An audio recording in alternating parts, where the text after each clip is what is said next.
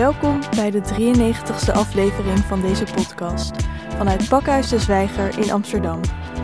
Mijn naam is Aniek van Rinsem en vandaag spreek ik met Annebrecht Dijkman, adviseur diversiteit en radicalisering en auteur van de boeken Heb je een boze moslim voor mij en de radicaliseringsindustrie. Beste Annebrecht, welkom. Dankjewel. Je werkt in de professionalisering van werken met extremisme en inclusie. Wat houdt dat precies in? Ja, nou ik zeg altijd maar uh, als we het hebben over uh, inclusie, dus het insluiten van mensen en ehm, extremisme, eigenlijk het uitsluiten van mensen, uh, dan heb je het over twee uitersten van één lijn. Want het gaat eigenlijk over hoe mensen de wereld beschouwen, hoe ze naar de wereld kijken, welke plaats zichzelf toedichten, hoe we met elkaar omgaan. Dus uh, hoewel het twee, eh, twee vakgebieden aan zich zijn, zowel het werken met inclusie als extremisme en terrorisme, denk ik dat ze uiteindelijk heel veel met elkaar te maken hebben, omdat het gaat over in- en uitsluiting van mensen. Want jij benoemt dus extremisme nu als het uitsluiten van mensen, waar het ook denk ik vaak gezien wordt als een actieve keuze om jezelf buiten de maatschappij te zetten. Ja, nou ja, en, en met dat uitsluiten van mensen, uh, daar gaat het eigenlijk over wat uh, de mechanismen zijn binnen extremisme. En dat, uh, je kunt dat bijvoorbeeld vergelijken met wat er gebeurt in sectarische groepen. Daar zit bijvoorbeeld een hele strikte groepsnorm zit daarin. Je moet aan regels voldoen, je moet langs een bepaald protocol moet je leven. En in die zin gaat het dus ook over uitsluiting. Want die, die binnengroep, die heel belangrijk is, waarvan ook terroristen zeggen, of terroristische organisaties, hey, kom maar bij ons. Hè. Bij ons ben je wel wat waard, bij ons kan je wel van betekenis zijn. Uh, daar zit een addertje onder het gras, want daar moet je namelijk wel tot een bepaalde norm leven. En als je dat niet doet, word je daar volgens weer uitgesloten. Dus je ziet ook vaak dat de mechanismes van extremistische groepen zijn dat ze uit elkaar vallen. En dat zie je bijvoorbeeld aan zo'n versplintering van een, een, terroristische groepering als ISIS. Die valt ook uh, in die zin uit elkaar, want ze komen weer uit verder uitsplitsing ook van Al-Qaeda. Al-Qaeda heeft bijvoorbeeld eerder gezegd: ja, maar ISIS is zo extreem. Uh, daar moeten wij niks van hebben. Terwijl hè, voor, vanuit een normaal perspectief is Al-Qaeda natuurlijk ook een terroristische organisatie en, heel extreem. En in die zin gaat het dus ook over de mechanismes van in- en uitsluiting. Dus, dus die extremistische groepen die gebruik maken van het idee: kom maar bij ons, hier ben je een echte zuster of een echte broeder, of je bent echt, um, je, je, hoort bij onze natie. Uh, dat, dat idee, maar daar zit dus een, daar zit een addertje onder het gras. En dat gaat dus ook over in- en uitsluiting. En aan de behoefte van mensen om ergens bij te horen. Dus waarin zou je denken dat inclusie en extremisme elkaar uh, overlappen? Ja, nou eigenlijk op dat, op dat insluitings- en uitsluitingsmechanisme. Dus daar waar we het hebben over, misschien goed om ook te zeggen wat inclusie in die zin uh, in mijn werkopvatting uh, is. Dat gaat heel erg over dat mensen bijvoorbeeld op de werkvloer gelijke kansen hebben, maar ook als volwaardig Um, bijvoorbeeld collega worden gezien. En dat zie je bijvoorbeeld ook, en dat is een heel interessante link met bijvoorbeeld uh, de beroepspraktijk van radicalisering. Uh, we hebben natuurlijk heel veel aandacht gehad voor um, de laatste jaren voor jihadisme. Dus dat is een specifieke vorm van uh, radicalisering, extremisme. Um, maar bij, waarbij vaak gedacht wordt: goh, maar als jij als, uh, ik noem maar wat, de wijkagent of de jeugdprofessional en je bent moslim, nou dan begrijp je misschien wel iets van de kaders waar zo'n uh, potentiële geradicaliseerde zich in bevindt. Uh, vanwege het feit dat je bijvoorbeeld een islamitische achtergrond hebt. Maar dat hoeft natuurlijk helemaal niet zo te zijn. Um, aan de andere kant wordt er wel eens gedacht: ja, maar dat zijn misschien wel mensen uh, met zo'n islamitische achtergrond die misschien wel niet loyaal zijn aan het thema waar we mee werken.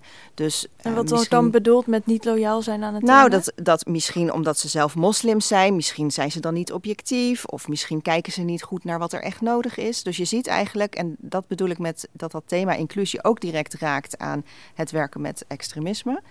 Uh, dat het dan soms gaat om de geprezen professional versus de verdachte professional. En daar kan je met je eigen islamitische achtergrond als professional niet zo heel veel aan doen. Uh, maar dat je vaak op een voetstuk wordt gehezen of dat je er juist vanaf wordt gehaald.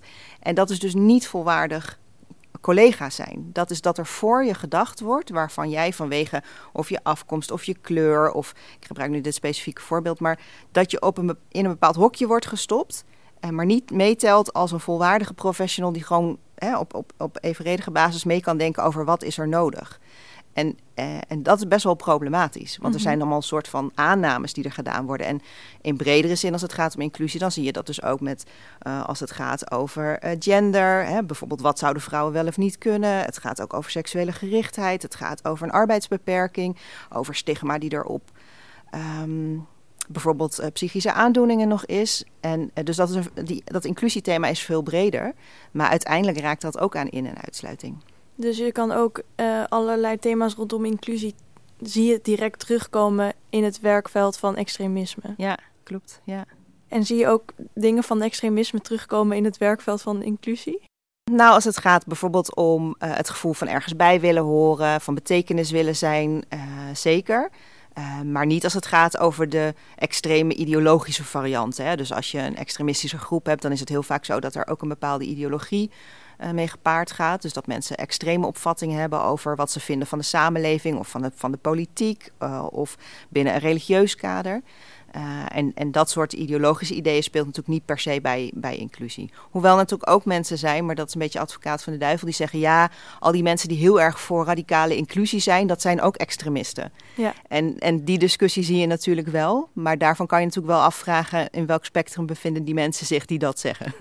Ja, en ik denk ook dat er mensen zijn die dan weer zeggen dat als je dus een bepaalde extreme ideologie aanhangt, het zou ook veganisme kunnen zijn om er even een niet zo beladen voorbeeld te noemen, dat je dan dat je dan niet boos mag zijn als je in een restaurant alleen maar vlees krijgt of zo. Nou, wat je ziet denk ik is dat, uh, dat we het soms lastig vinden om met elkaars idealen om te gaan. En uh, radicalisering heeft een hele een, uh, ja, negatieve connotatie tegenwoordig. Hè? Dus dat is een negatief woord. Er zit ook echt een stempel en stigma op.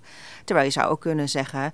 Uh, radicalisering is uh, heel erg positief. Want dat betekent dat mensen zich in eerste uh, instantie druk maken om iets. Dat ze betrokken zijn, dat ze een ideaal hebben, dat ze ergens voor willen gaan staan. en dat kan je ook op een goede manier inzetten. Hè? Ik bedoel, kijk naar de hele vrouwenbeweging, emancipatie. Ja, als, als vrouwen daar niet voor waren gestaan, dan was daar ook geen beweging gekomen. Um, maar het is ook wel lastig om met elkaars idealen in dat opzicht om te gaan. En zeker met, en, en daar hebben bijvoorbeeld ook de, of daar heeft bijvoorbeeld de NCTV, de Nationaal Coördinator Terrorismebestrijding, ook in het laatste dreigingsbeeld ook voor gewaarschuwd. Van goh, we zien eigenlijk dat uh, de discussie bijvoorbeeld op social media, dat die best wel heel erg polariserend is. En dat mensen daar tegenover elkaar komen te staan. En dat is ook een soort van, nou ja, bijna een soort van. Uit, uit die fuik kom je niet zo snel meer als je daar eenmaal in zit. Um, en het is altijd de kunst, ja, hoe kan je open in gesprek blijven? Want dat is ook een van de, nou ja, een van de kernen binnen het werken met extremisme. Is kan je contact houden met de ander? En dat is sowieso volgens mij op dit moment een pittige opgave voor Nederland. Contact houden met de ander, nog los van corona. Um, maar dat is wel heel cruciaal. Uh, want als dat niet lukt, ja, dan kom je, raak je dus ook verwijderd. En dat verwijderd van elkaar raken is opnieuw ook weer een voedingsbodem voor terroristische organisaties die kunnen zeggen: hé, hey, kom maar bij ons. Of uh, zie je wel, zij snappen het niet. Um, dus, dus zeg maar die beweging van hey, wat vind ik eigenlijk van jouw opvattingen? Daar begint het vaak al. Je ziet, hè, dat, dat, dat vinden mensen lastig in de huiskamer. Goh, er wordt een uh, racistische opmerking gemaakt. Wat moet ik daar nou iets van zeggen of, of niet? Of, of in de schoolbanken, dat de leerlingen daar extreme uh, ideeën over hebben. En dat misschien een docent denkt, ja, maar misschien moet ik het niet op de spits drijven. Hè? Dus hoe, hoe ga ik daar nou mee om? Dus zowel in werksituaties als in privé als op maatschappelijk niveau, denk ik dat we het een hele uitdaging vinden om met extreme opvattingen uh, om te gaan. Je bent organisatieantropoloog. Ja. Wat is een organisatieantropoloog precies? Ja, goede vraag. Um, nou, ik, ik, was zelf blij. Ik schrijf ik ook wel iets over in mijn boek. Dat ik, uh, ik deed altijd heel veel verschillende dingen. Dus ik deed bijvoorbeeld onderzoek en uh, beleidsadvies, uh, bestuurders adviseren, maar ook families ondersteunen, waarbij sprake was van radicalisering. en ik dacht, jeetje, wat toch ingewikkeld. Want als mensen vragen, wat doe je dan? Ja, dan moet ik dan al die dingen gaan oplepelen. Of ja, als ik zei, ja, ik werk met radicalisering, dan snapten ze dat ook niet echt. Want ja, wat is dat dan precies? totdat ik dacht, maar wacht eens eventjes. Ik ben natuurlijk een organisatieantropoloog. Natuurlijk doe ik al die verschillende dingen. Want dat is wat je doet. Je onderzoekt, je kijkt naar wat patronen zijn. Je staat bij mensen. Hè. Mensen staan centraal in de antropologische wetenschap.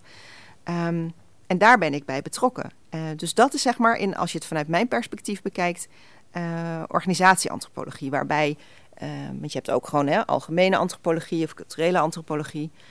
Waarbij organisatieantropologie heel erg gaat over organisatieprocessen. Dus hoe doen we dat?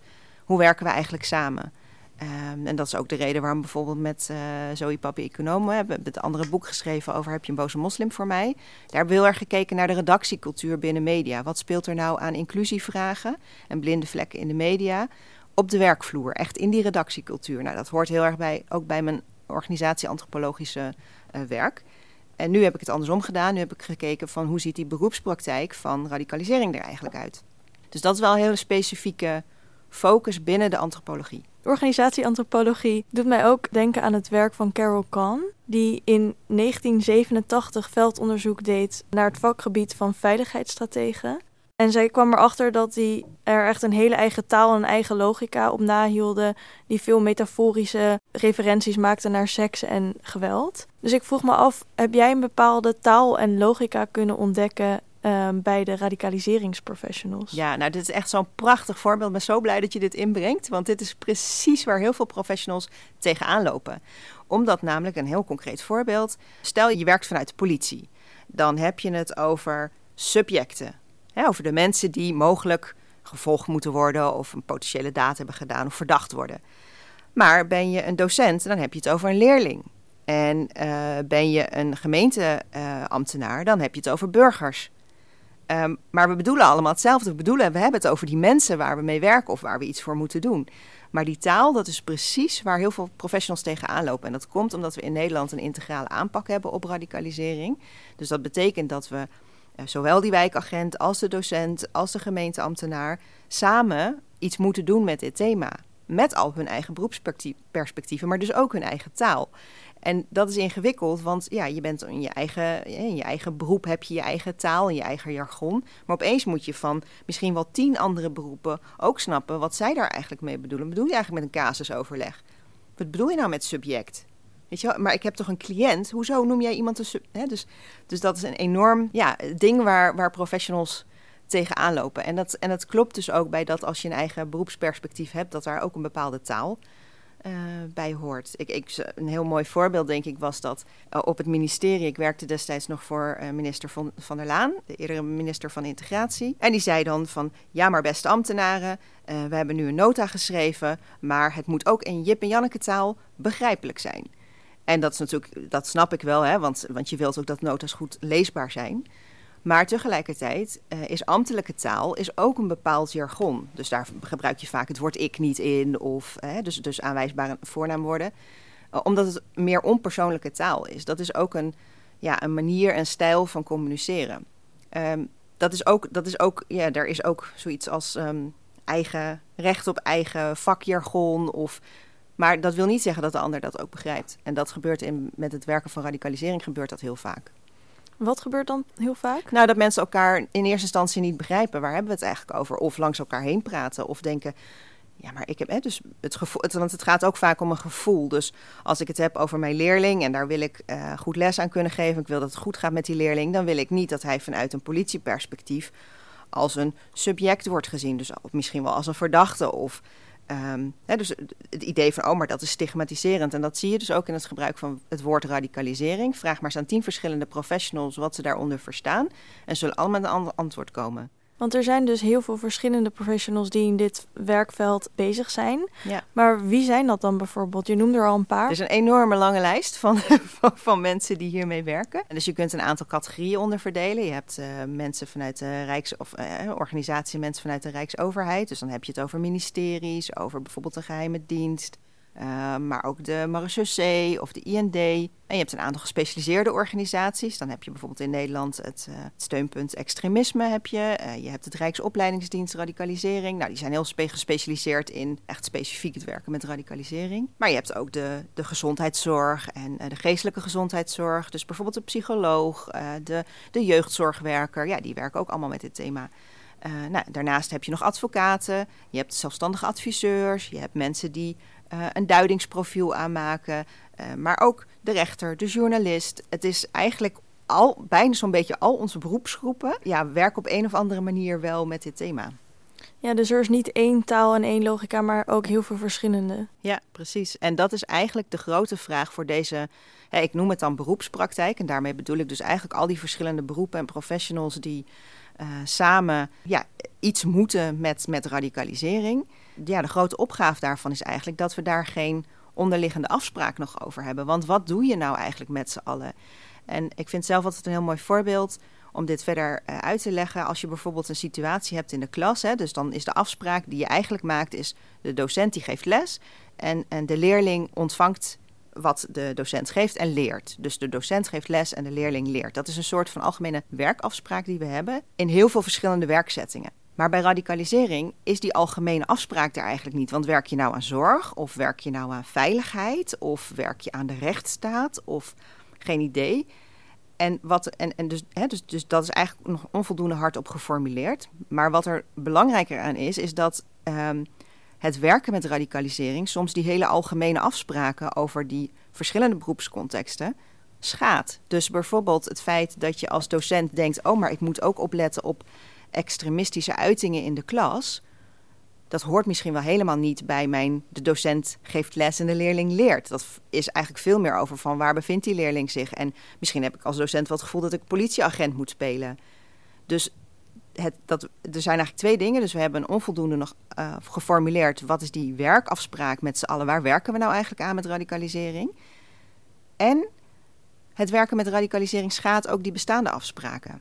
Uh, en dat is best wel heel erg lastig voor professionals, want dat is, dat is wat meer abstracter. En dat is iets waar ze in de praktijk tegenaan lopen, maar waar je, waar je het niet de hele dag over hebt. Een deels waarom er waarschijnlijk nog niet echt een duidelijke afspraak over is, benoem je ook al in je boek namelijk het transparantievraagstuk. Ja.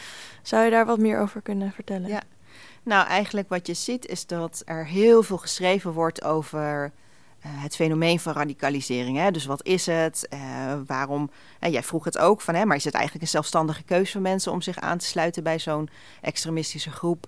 Um, wat, wat voor rol spelen mannen en vrouwen? Nou, daar hebben we heel veel, heel veel onderzoek naar gedaan. Waar we dus veel minder onderzoek naar hebben gedaan, is die beroepspraktijk. Dus wat betekent dat fenomeen of nou, noem het maatschappelijke opgave voor die professionals. Wat moeten zij daar eigenlijk mee? En dus de, de onderzoek, zeg maar, wat we daarover weten, is veel minder ten opzichte van het fenomeen. Tegelijkertijd zie je dat er wel heel veel media-aandacht en heel veel politieke druk ligt op professionals. Dus er staat iedere dag wel iets in de krant of is er iets uh, online te vinden wat gaat over extremisme of terrorisme. Er, er, iedere dag kan je je. Um... Elke dag zie je het, kan je het in de krant lezen. Precies, dank je.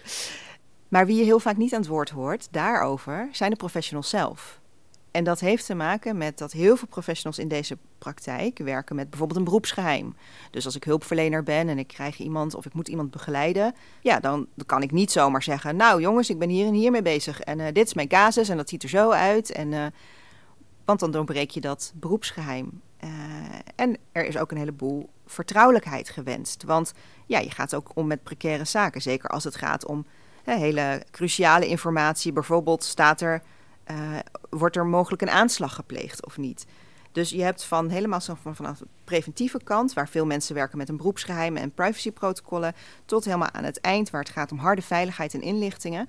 Daar, daar zit, dat is een hele grote, nou ja, zeg maar een grote van privacy. Ja, precies. En, en wat daarin belangrijk is, is dat mensen dus ofwel vanuit veiligheidsoogpunt, ofwel vanuit, die vertrouwelijk, vanuit, vanuit dat vertrouwelijkheidsoogpunt niet zomaar naar buiten treden over hun werk. Maar dat betekent ook dat je als professional heel veel te verduren hebt over opvattingen over je werk, waar je zelf niet over het gesprek kan meedoen.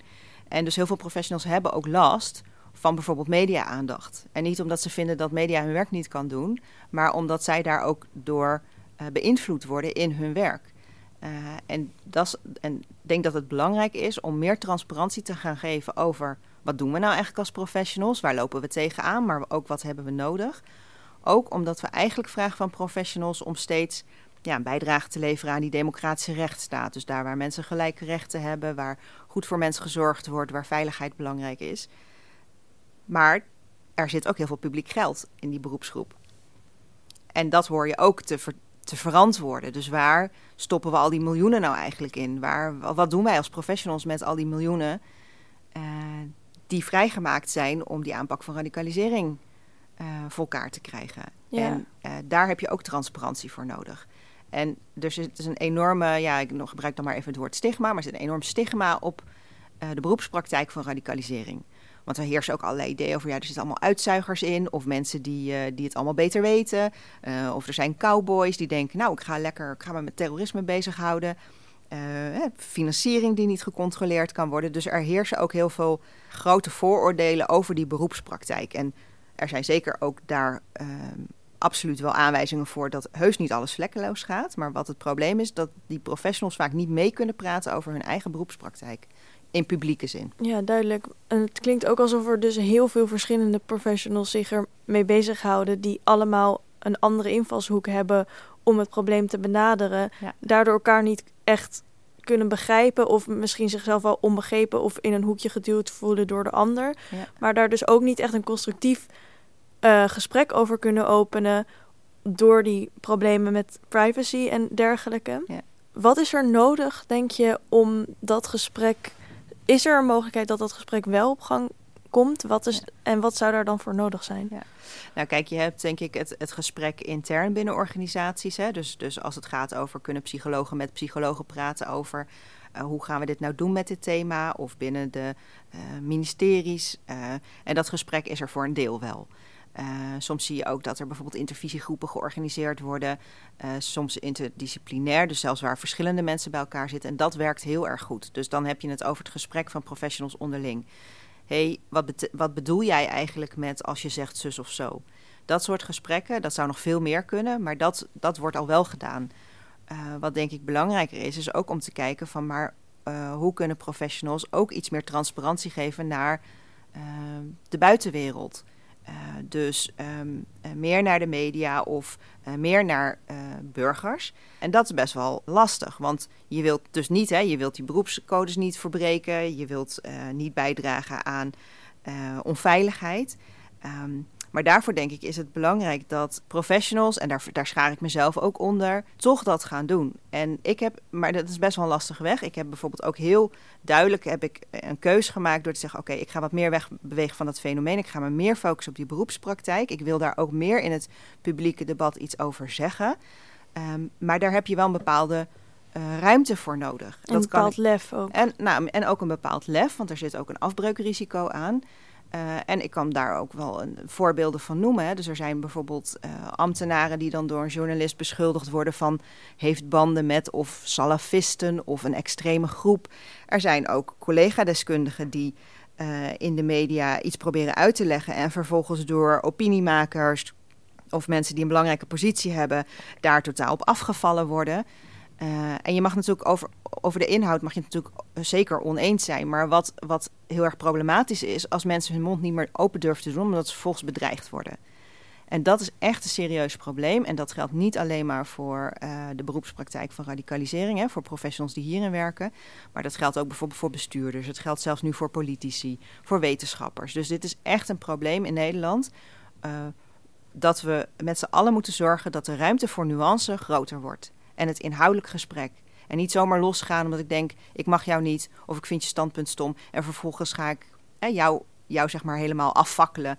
Want dat doet iets met mensen. Dat is echt een afbreukrisico. En dat is wel iets, ja, daar, daar neem ik zelf ook een risico mee door te zeggen: hé, hey, ik heb weliswaar werk toegewerkt naar die positie, maar voor mij is dit ook spannend. Ja, je hebt er ook voor gekozen om in je boek je eigen professionele ervaringen te vertellen en ook de knelpunten die je onderweg bent tegengekomen. Van waar heb je deze keuze gemaakt? Ja, nou eigenlijk omdat ik, ik, ik, geef, ik train ook al heel lang professionals en eigenlijk is altijd hetzelfde als we kijken naar, ik, schrijf dat ook in mijn boek, als je kijkt naar gewoon definities. Er is nog echt nog nooit iemand van in beweging gekomen. Terwijl als ik een persoonlijk verhaal vertel, of het nou gaat over iemand die geradicaliseerd is, of dat diegene dat zelf vertelt, of dat ik vertel over een professionele verhaal, dan hebben we iets om bij aan te sluiten. En in die zin heb ik gedacht, weet je, het is belangrijk om, ja, dat noem je dan een narratieve insteek voor dit boek te kiezen. Dus niet alleen maar een droge feitelijke opsomming van, goh, zo is het of zo kijken we er tegenaan. Maar ook veel, uh, ja, veel uitspraken mee te nemen. En daarin ook mijn eigen verhaal als een soort van, um, nou zeker in het begin, als, om mensen mee te nemen in de ingewikkeldheid van, van deze hele beroepspraktijk. Dat is eigenlijk de reden waarom ik ervoor heb gekozen, omdat uh, dit boek is voor mij niet een soort van eindpunt, maar het is eigenlijk vooral ook een vraag van: goh, hoe kunnen we met z'n allen uh, die veranderopgave uh, tot stand brengen. Namelijk van dat pionieren, wat altijd belangrijk blijft, maar naar meer professionaliseren. En daar bedoel ik mee dat we meer kaders afspreken, dat we meer toetsingscriteria afstemmen. Van hé, hey, waar moet ik eigenlijk aan voldoen als professional? Als ik nou ga werken met die casuïstiek, wat moet ik dan eigenlijk kunnen? dus bijvoorbeeld dat in gesprek blijven, het niet zomaar oordelen, je oordeel kunnen opschorten. Nou, ik noem maar wat, is maar een voorbeeld. Um, maar die kaders hebben we eigenlijk helemaal nog niet vastgesteld. Ja, dus je, je hoopt door juist ervaringen en ook uh, toe te laten dat emoties worden gedeeld en meer subjectieve zaken zoals die, ja. het gesprek misschien te openen. Ja, en, en er zit ook nog een andere overweging bij, namelijk dat ik uh, zelf geloof dat je als mens jezelf ook meeneemt in je werk. Dus er zijn natuurlijk verschillende discussies over hè, wat professionaliteit is of wat neutraliteit is, uh, of je. Um, nou, in hoeverre je zelf mee mag nemen, hè, of je eigen opvattingen ergens een rol mag laten spelen. Mhm. Maar dit thema, en dat, dat, dat radicaliseringsthema, dat raakt heel vaak aan mensen over hoe ze vinden dat ze zelf in de wereld staan. Mhm. Dus door te zeggen, nou, maar daar mogen we het niet over hebben, daar laat je ook een enorme kans liggen. Want misschien kunnen mensen daardoor veel beter hun werk doen. Maar het kan ook zijn dat het daardoor vertroebeld raakt. Als ik bijvoorbeeld uh, niks moet hebben van mensen die religieuze opvattingen hebben of die een religie beleiden. Of ja, waarvan ik überhaupt al denk, nou, uh, wat moet je daarmee? Ja, dat is niet de geschikte persoon om met radicaliseringscasuïstiek om dus te gaan. Dus als ik het goed begrijp, dan is het niet uitspreken of het niet meenemen van persoonlijke overwegingen of persoonlijke ervaringen of emoties dat betekent niet per se dat ze er niet zijn, maar dat betekent alleen maar dat ze niet mee kunnen worden genomen in de analyses over hoe het gaat en over het nadenken over hoe we ermee om willen gaan. Ja, dat zeg je perfect. En ik denk dat een heel mooi, en dat is misschien ook wel een actueel voorbeeld, is dat we, uh, je hebt zoiets als persoonlijke beleidsopvattingen. Dat is uh, nu weer actueel, ook omdat het kabinet geval is en gezegd heeft van goh, we moeten ook transparanter zijn naar uh, de Kamer, maar ook naar de burger en ook naar de journalistiek. Um, en ook als het gaat over die persoonlijke beleidsopvattingen van ambtenaren. Nou, kijk, ambtenaren mogen natuurlijk uh, werken voor, voor, voor Nederland in anonimiteit. Dus uh, zij dienen Nederland. Dus zij horen daarin ook niet persoonlijk op de voorgrond te staan. Maar tegelijkertijd zie je zeker bij radicalisering dat ook persoonlijke opvattingen meegaan in het beleid. Alleen daar kijken we dus niet naar. Want als je dus niet kijkt naar wat neem je als mens mee in je werk, ja, dan doen we net alsof het er niet is, terwijl het er wel degelijk is. En het is niet erg dat je jezelf meeneemt. Maar ik denk wel dat het uh, transparant moet zijn. Want dan kan je het ook objectiveren. En dan kan je zeggen: hé, hey, wat is de invloed daar eigenlijk van? En nu doen we dat niet. Nu doen we net alsof het er niet is. Maar het is degelijk, wel degelijk zo. En dat heeft ook invloed precies op wat je zegt. Op analyses, op hoe je vindt dat het moet gaan. Uh, en er zijn maar en, dat is eigenlijk niet democratisch in die zin. Want een heel, heleboel mensen kunnen daar helemaal niet bij. Je kunt als, ik noem maar wat, als analist of als uh, beleidsambtenaar... kan je best een heleboel invloed hebben op wat er uh, aan richting gekozen wordt. Dus eigenlijk zouden we veel meer informatie tot ons kunnen nemen als we daar wel openlijk over zijn. En heb je dus een deeltje transparantie, waardoor de maatschappij als geheel zich meer mee mag bemoeien welke kant we op willen gaan. Ja, en, en, en een van de grote knelpunten in deze jonge beroepspraktijk, hè, ik, ik noem het ook expliciet jong, uh, is dat bijvoorbeeld professionals aan de voorkant geen opleiding hebben om te werken met radicalisering. Dus je hebt heel veel reguliere beroepen, noemen we dat. Hè? Dus die, die wijkagent of de jeugdzorgwerker of de docent, die volgen allemaal een goede opleiding en die gaan dan aan het werk. Maar in heel veel opleidingen zit niet iets van een specialisatie of eh, je kunt überhaupt daar niet echt op studeren op radicalisering. Dus die worden in de praktijk geconfronteerd met dat thema. Maar dat betekent ook dat heel veel van hoe we het doen in de praktijk ook afhankelijk is van wat er in de politiek over gezegd wordt. En dat is prima, hè, want eh, politiek gaat ook over van hoe, hoe richten we de samenleving in, waar willen we ons geld aan besteden.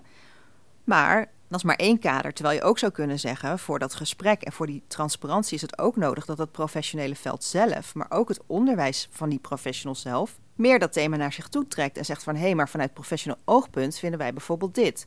Of als we een student opleiden, dan vinden we het bijvoorbeeld belangrijk dat zus of zo. En dat is een veel minder beladen ja, afdeling in onze samenleving, laat ik maar even zo zeggen, even sector, waar je veel transparanter het gesprek ook kunt voeren. Want als je het gelijk in de politieke arena trekt, zitten daar ook hele normatieve uh, belangen bij. En dan is het dus gelijk politiek. En dat, dat zal altijd zo blijven, dus dat is niet iets wat je zomaar kunt veranderen. Maar ik denk dat het goed is om tegenwicht te bieden door ook uh, in het professionele veld, in het onderwijsveld, zelf explicieter te gaan zeggen: hé, hey, dit is ook ons thema, wij gaan hier ons ook mee bemoeien. Ja, en om in het werkveld van radicalisering. Die openheid wat meer open te breken, stel je een aantal vragen. En deze vragen wil ik ook graag aan jou stellen. Om te beginnen, uh, waar gaat radicalisering, extremisme of terrorisme volgens jou over? Ja, nou dat was eigenlijk helemaal in het begin. Dat gaat in één zin over in- en uitsluiting van mensen. En je kunt het hebben over een proces waar je naartoe kunt. Het kan gaan over triggerfactoren. Het kan gaan over ja, lokale omstandigheden, over religieuze socialisatie. Ik bedoel, je kunt daar van alles bij, maar in, in de kern gaat dat over in- en uitsluiting van mensen. En hoe kijken andere mensen daar naar?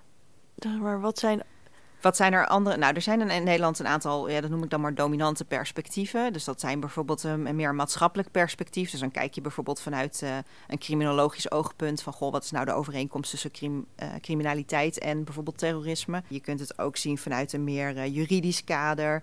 Uh, maar ook vanuit een narratief perspectief. Hè. Dus dat gaat veel meer over van wat voor soort verhalen vertellen terroristen onderling. Uh, sommige wetenschappers zeggen ook wel van ja, je kunt de propaganda die uh, terroristen verspreiden, kan je veel beter zien als reclame. De reclame namelijk, kom maar bij ons. En dus er zit iets van verleidelijkheid in. En die, die propaganda doet vaak beroep op je onderbuik. Dus niet per se op de feiten, maar op, op, op je onderbuik van... oh, ik voel me misschien niet gezien of ik, ik wil samen iets doen of ik wil van betekenis zijn. Dus dat is een perspectief, maar er gaat ook zoiets als een historisch en een veiligheidsperspectief. Hè. Dus historisch veel meer over van, goh, als we terugkijken... wat zijn er dan aan verschillende soorten bewegingen van bijvoorbeeld terrorisme te vinden. En iemand als Beatrice de Graaf doet dat ook. Uh, maar veiligheidsperspectief gaat ook heel erg over van... oké, hoe zitten onze grenzen in elkaar? Um, onze inlichtingendienst, hoe functioneert die? Waar moet die op letten? Nou, je hoort het al, er zijn heel veel verschillende perspectieven om naar radicalisering te kijken. En al die perspectieven zijn legitiem. Er zit vaak ook een vakgebied aan gebonden. Um, maar je, nu, je noemt nu vooral ook een, een kader waarin je bepaalde thema's eruit pikt die je terug kan zien in radicalisering. Maar wat is radicalisering zelf? Ja. Buiten dat er inclusie en uh, extremisme in zitten. Wat is radicalisering zelf? Ja, nou ja, goed dat je daarop doorvraagt. Want in, in mijn hele boek gebruik ik daar echt een heel expliciet perspectief voor. En dat heet Wicked Problems. Dus dat gaat echt over, ja, in zijn algemeenheid zeg je dan Wicked Problem. Dat is een, is een maatschappelijk iets. Dat is een maatschappelijk probleem, als je het zo wilt zeggen. Wat geen kop en een staart heeft. Dus je weet niet precies waar het begint. Je weet niet waar het eindigt. Uh, je weet niet wat je moet weten. Je weet ook niet waar de stopregels zitten. Dus, dus bijvoorbeeld met radicalisering hebben we een soort van idee van hoe meer informatie we hebben, hoe veiliger het wordt. Maar dat is heel vaak een illusie. Maar het geeft een soort van schijnhouvast, dus we willen steeds meer informatie. Uh, dat hoort bij zo'n kenmerk van een wicked problem. Dus het, eigenlijk gaat het erover dat het een ongestructureerd maatschappelijk probleem is. Waar zowel een fysieke component aan zit als een sociale uh, component. Dus radicalisering is een wicked problem in jouw optiek, maar kijken andere mensen er ook naar als een wicked problem? Um, ik denk dat deze, dit is een, die wicked problem theorie, dat is iets wat ook komt uit complexiteitstheorie, of is een complexiteitstheorie. Dat lang nog niet iedereen in Nederland er op deze manier naar kijkt. Uh, want eigenlijk is die, zo'n, de benoeming van zo'n wicked problem, dat noem je ook wel een, een paradigma. Dus je, je verschuift een zienswijze, een paradigma is een zienswijze, verschuif je van, hé, hey, het zit alleen maar zo, of je hebt alleen maar dat ene perspectief, bijvoorbeeld dat psychologische perspectief of dat maatschappelijke perspectief, naar een, eigenlijk een integraler perspectief. Dat je zegt van, maar het zit hem in die ongestructureerdheid en al die perspectieven zijn daar gewoon een onderdeel van. En uh, dat is ook, zeg maar, de ja, logische consequentie van dat, uh, dat we hier te maken hebben met jonge beroepspraktijk. Dus ook voortschrijdend inzicht van hoe kijken we ernaar. Maar je hebt dus bijvoorbeeld organisatieantropologen nodig die even kunnen uitzoomen en die zeggen: hé, hey, maar wacht eens even, dit zijn de patronen die ik zie, samen met al die verschillende professionals die hun eigen vakgebied hebben. Maar we hebben hier eigenlijk te maken met een wicked problem. Daar, zijn wij allemaal, daar werken wij allemaal aan. Maar dat wil niet zeggen dat we dat ook echt al zo zien. En er zijn ondertussen ook wetenschappers die, dit, uh, ja, die deze zienswijze wel uh, in hun werk uh, integreren. Maar dat is voor een heel groot deel kijken we er nog niet zo naar. Denk je dat het vruchtbaar zou kunnen zijn als er een soort algehele consensus komt over hoe er naar dit wicked problem wordt gekeken? Of dat het juist iets toe kan voegen dat er zoveel verschillende perspectieven op zijn? Ja, ik denk dat het. Um, en dat is ook mijn eigen ervaring, dat als je dat kader van die wicked problems hanteert, dat mensen enorm opgelucht ademhalen Om te zeggen, oh, nou snap ik eigenlijk waarom we er zo onderling niet uitkomen. Of waarom we de hele tijd maar kijken naar wat moet de perfecte definitie zijn. Of welk perspectief moet leidend zijn. Want in dat kader van die wicked problems mogen dat, mag dat er allemaal zijn. Want dat is er namelijk gewoon. En moet je juist daarover hebben. Dus eigenlijk wat je doet is, net zoals wij hebben nu een gesprek. Stel dat, dat, dat het nu niet loopt, dan zouden we even een stapje naar buiten moeten doen en het even over het gesprek moeten hebben. Hmm. hey, uh, stel je wel de goede vraag, geef ik wel het goede antwoord? Uh, of uh, heb je niet ontbeten, zoals ik? nou, hè, dat. En dat, dat noemen we metacommunicatie. En eigenlijk wat je doet met, um, met zo'n wicked problem paradigma, dus zo'n zienswijze, ga je eigenlijk een stapje hoger. Dus je gaat even uit je eigen tunnel, uit je eigen ja, heel specifieke perspectief.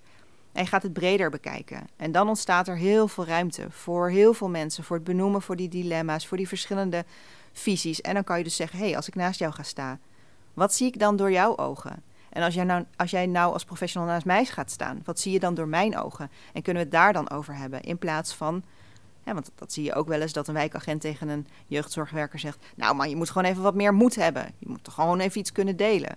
Maar die wijkagent die heeft veel heel andere privacykaders dan bijvoorbeeld een jeugdzorgwerker. En dan gaat het opeens over dat je meer moed moet hebben. Maar daar gaat het natuurlijk helemaal niet over.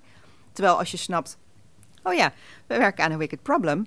Ja, jij hebt andere werkkaders. Maar wat betekent dat dan eigenlijk? En hoe gaan we samen zorgen dat we recht doen aan wie ik ben als professional en wie jij bent als professional, dat we daar samen uh, eigenlijk de winst uithalen.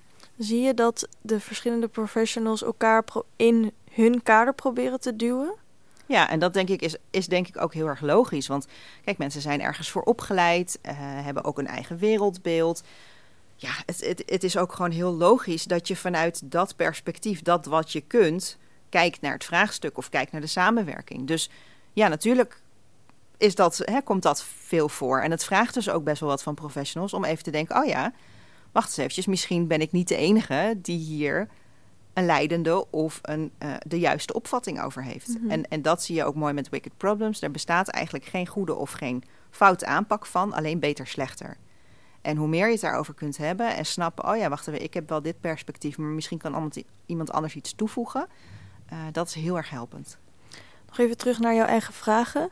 Waar maak je je zorgen over en waar ben je trots op? Oh, wat leuk. um, waar ik me zorgen over maak is uh, dat het werken met radicalisering onvoldoende beschermd is voor professionals.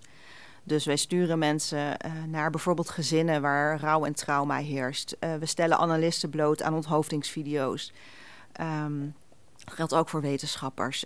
we stellen wetenschappers of mensen zoals ikzelf, die vertellen in de media over het werken met het beroep bloot aan uh, nou, een heleboel, um, ik noem het maar gewoon even uh, media shit. En dan bedoel ik dus niet gewoon goede onderjournalistiek, maar ook columns. En er is een heel groot afbreukrisico. Um, en ik denk dus dat in zijn algemeenheid dat beroep onvoldoende beschermd is. En dat komt omdat we dat niet expliciet genoemd hebben.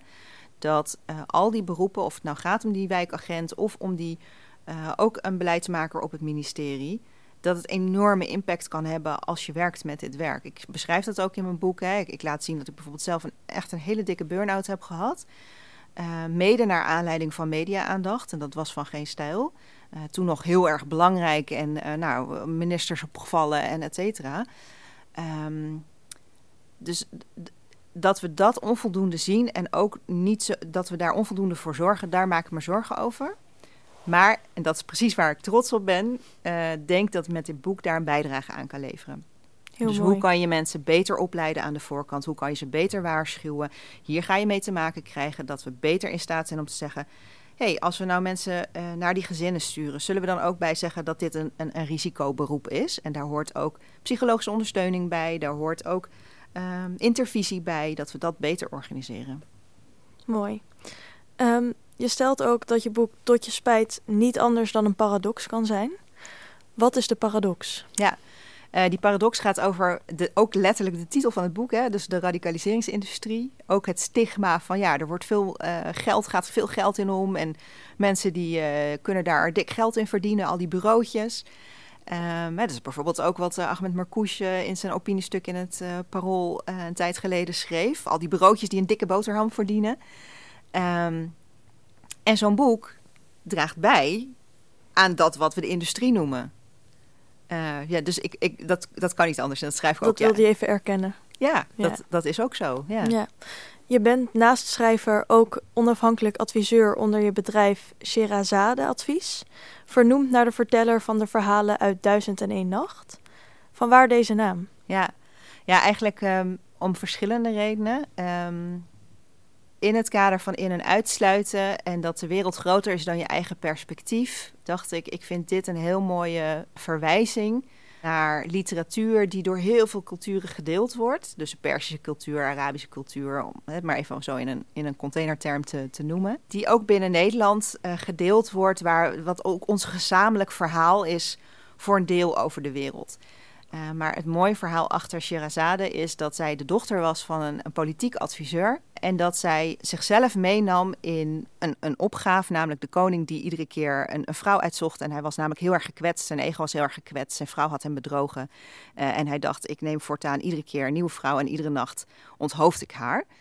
Uh, en deze vrouw die bood zichzelf aan en kreeg het voor elkaar dat met haar verhalen dat deze koning uiteindelijk al die vrouwen spaarde. En uiteindelijk, en dat zo gaat dan het verhaal, leefde ze lang en gelukkig. Uh, zij uh, uh, voelde affectie uiteindelijk voor elkaar. En nou ja, even, dat is een soort van happy ending. Maar waar het mij heel erg om ging, is dat ik dacht... vrouwen hebben ook in dit vak vaak nog wel een tandje bij te zetten. Omdat ook over vrouwen wel het idee is van... wat moet jij nou in een veiligheidssector? Of wat, wat weet jij daar nou van?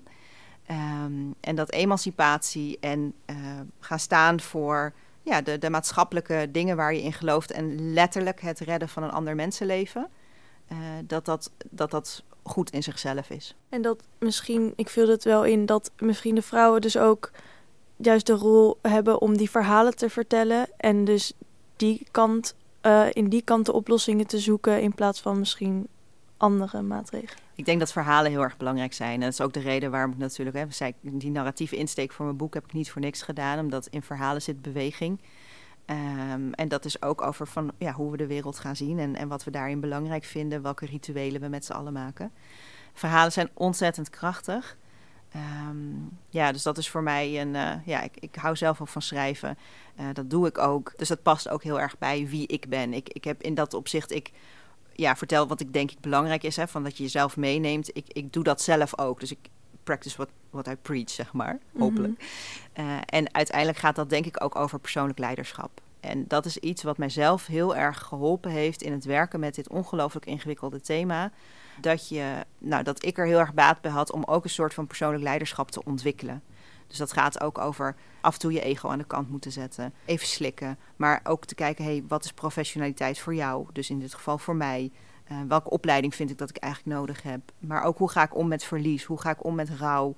Um, hoe ga ik om met open blijven staan met anderen? En ondertussen dat maatschappelijke ja, dat, dat maatschappelijk belang niet uit het oog verliezen. En dat, ja, dat is voor mij heel cruciaal geweest om overeind te kunnen blijven in dit hele ingewikkelde speelveld. Tot slot, heb je nog een boodschap voor onze luisteraars? Ja, ik zou het natuurlijk ontzettend leuk vinden als jullie uh, mee willen kijken naar de boekpresentatie. Uh, en uh, het boek ook willen bestellen. Ik ben redelijk goed benaderbaar, of via mijn website of via mijn LinkedIn-pagina. En ik, ben, ja, ik zou heel graag in gesprek willen over wat je daarin herkent of welke vragen je daarover hebt. Welke ideeën, hoe je denkt dat het beter kan. Dat zou ik ontzettend leuk vinden. Heel veel dank, Anne Brecht Dijkman. Jij ook, dankjewel. Beste luisteraars, dit was de 93ste aflevering van de podcastserie van Pakhuis de Zwijger. Wil je meer weten over dit onderwerp? Kijk dan op donderdag 4 februari om half negen naar de boekpresentatie De Radicaliseringsindustrie via dezwijger.nl slash live. Een rating achterlaten of je abonneren op deze podcast kan via Soundcloud, Spotify, iTunes of een ander podcastplatform. Dank voor het luisteren en tot de volgende keer. Thank you.